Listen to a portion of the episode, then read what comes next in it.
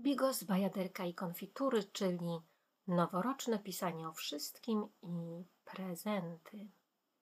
To jest część druga wpisu. Ta część dotyczy właśnie prezentów, a dokładnie przykładów, propozycji, dróg, które oferują pewne wsparcie, pewne możliwości wzmocnienia relacji, umiejętność rozpoznania problemów i przeciwdziałania im.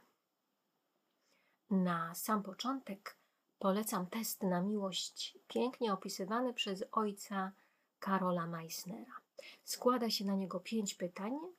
Odpowiedź na te pytania, odpowiedzi na te pytania mogą pomóc w rozeznaniu, czy uczucie, które żywymi do drugiej, bliskiej nam osoby, ma szansę przetrwać. Pytania są sformułowane w wersji dla młodych, ale od Państwa zależy, czy uznacie ich przydatność dla już trwającej czasem wiele lat relacji. Cały test przybliżam w artykule pod tytułem Dziś będzie o miłości, dostępnym na blogu apelacjablog.pl. Oto te pytania. Pierwsze. Czy chciałbyś, aby Twoja przyszła ewentualna córka była podobna do tej dziewczyny, do tej kobiety, która jest Ci bliska? Czy chciałabyś, aby Twój przyszły ewentualny syn był podobny do tego chłopca, do tego mężczyzny, który jest Ci bliski? Drugie pytanie. Czy chciałabyś być z tym chłopakiem?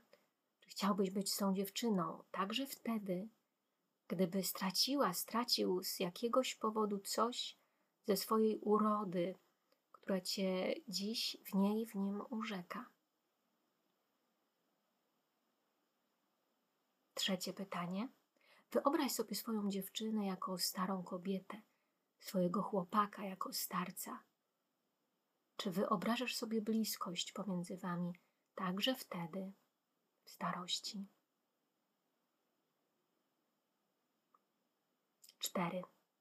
Czy zjedlibyście gęstą zupę z jednego talerza jedną łyżką? I piąte. Czy chciałbyś, aby Twoje dzieci były wychowywane przez tę dziewczynę? Chciałbyś, aby Twoje dzieci były wychowywane przez tego chłopaka, by wyznawały te wartości, które ona, on uznaje, by przejęły jego, jej zachowania, zwyczaje, przyzwyczajenia?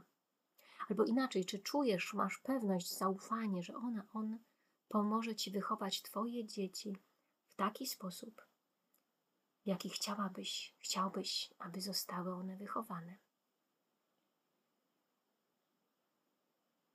Bardzo ciekawe pytania, dające do myślenia. I ogólnie bardzo zachęcam do lektury e, książek, wywiadów z ojcem Karolem Meissnerem. Niesamowity umysł, niesamowite doświadczenie. Bardzo dobra rzecz, polecam. Następne w kolejce to pani Monika Madejska trener, coach, wykładowca, także nauczyciel relacji, można by tak powiedzieć, w bardzo, w bardzo wielu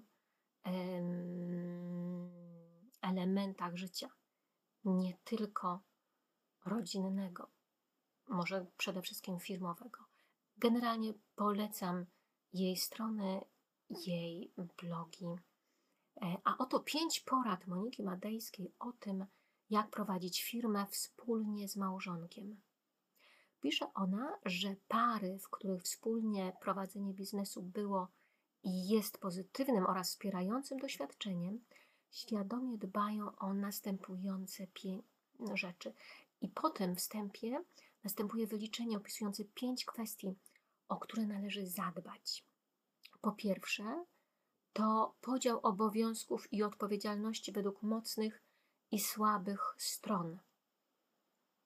Drugie to ustalenie zasad współpracy w domu i w firmie. Trzecie to rozdzielenie czasów pracy od czasu rodzinnego. Czwarte to zadbanie o osobistą i odrębną przestrzeń każdego z małżonka. Piąte, rozpoznawanie potrzeb partnera i pomoc w ich zaspokojeniu. Cały tekst dostępny jest na stronie firmowej e, takiej firmy szkoleniowej Coraz lepsza firma. Zachęcam, mają bardzo ciekawy blog z bardzo ciekawymi wpisami. A ten wpis pani Moniki Madejskiej e, jest pod tytułem Jak prowadzić firmę wspólnie z małżonkiem. Zachęcam. Prosty przekaz, jasnym językiem napisany, z przykładami. Może się Państwu przyda, kto wie. Kolejną podpowiedzią dla osób, które zastanawiają się, jak poprawić swoje relacje małżeńskie i rodzinne, może być także blog i szkolenia pani Agnieszki Pieniążek.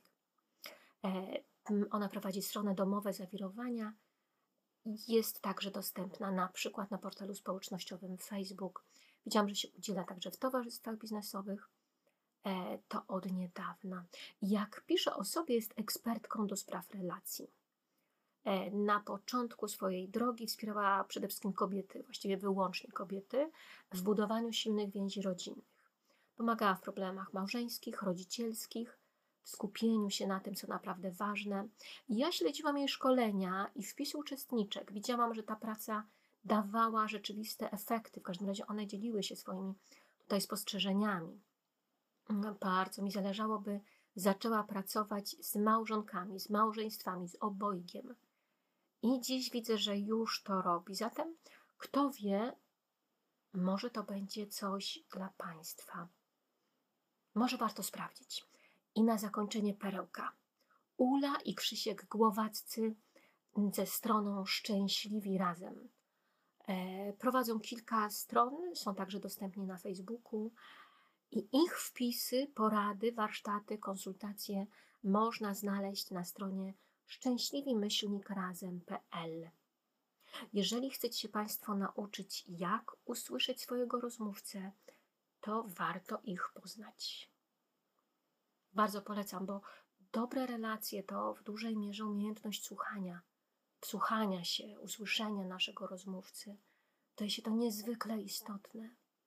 I zauważam, że bardzo wiele, wiele osób ma ten problem, że nie słyszą drugiego rozmówcy. Może warto. Może warto po prostu sprawdzić, tak. Generalnie w ogóle warto działać. Czasami warto zamilczeć, wstrzymać się, przeczekać. Ogólnie bardzo, bardzo życzę Państwu powodzenia, wszelkiego dobra w całym nadchodzącym roku. Pozdrawiam serdecznie.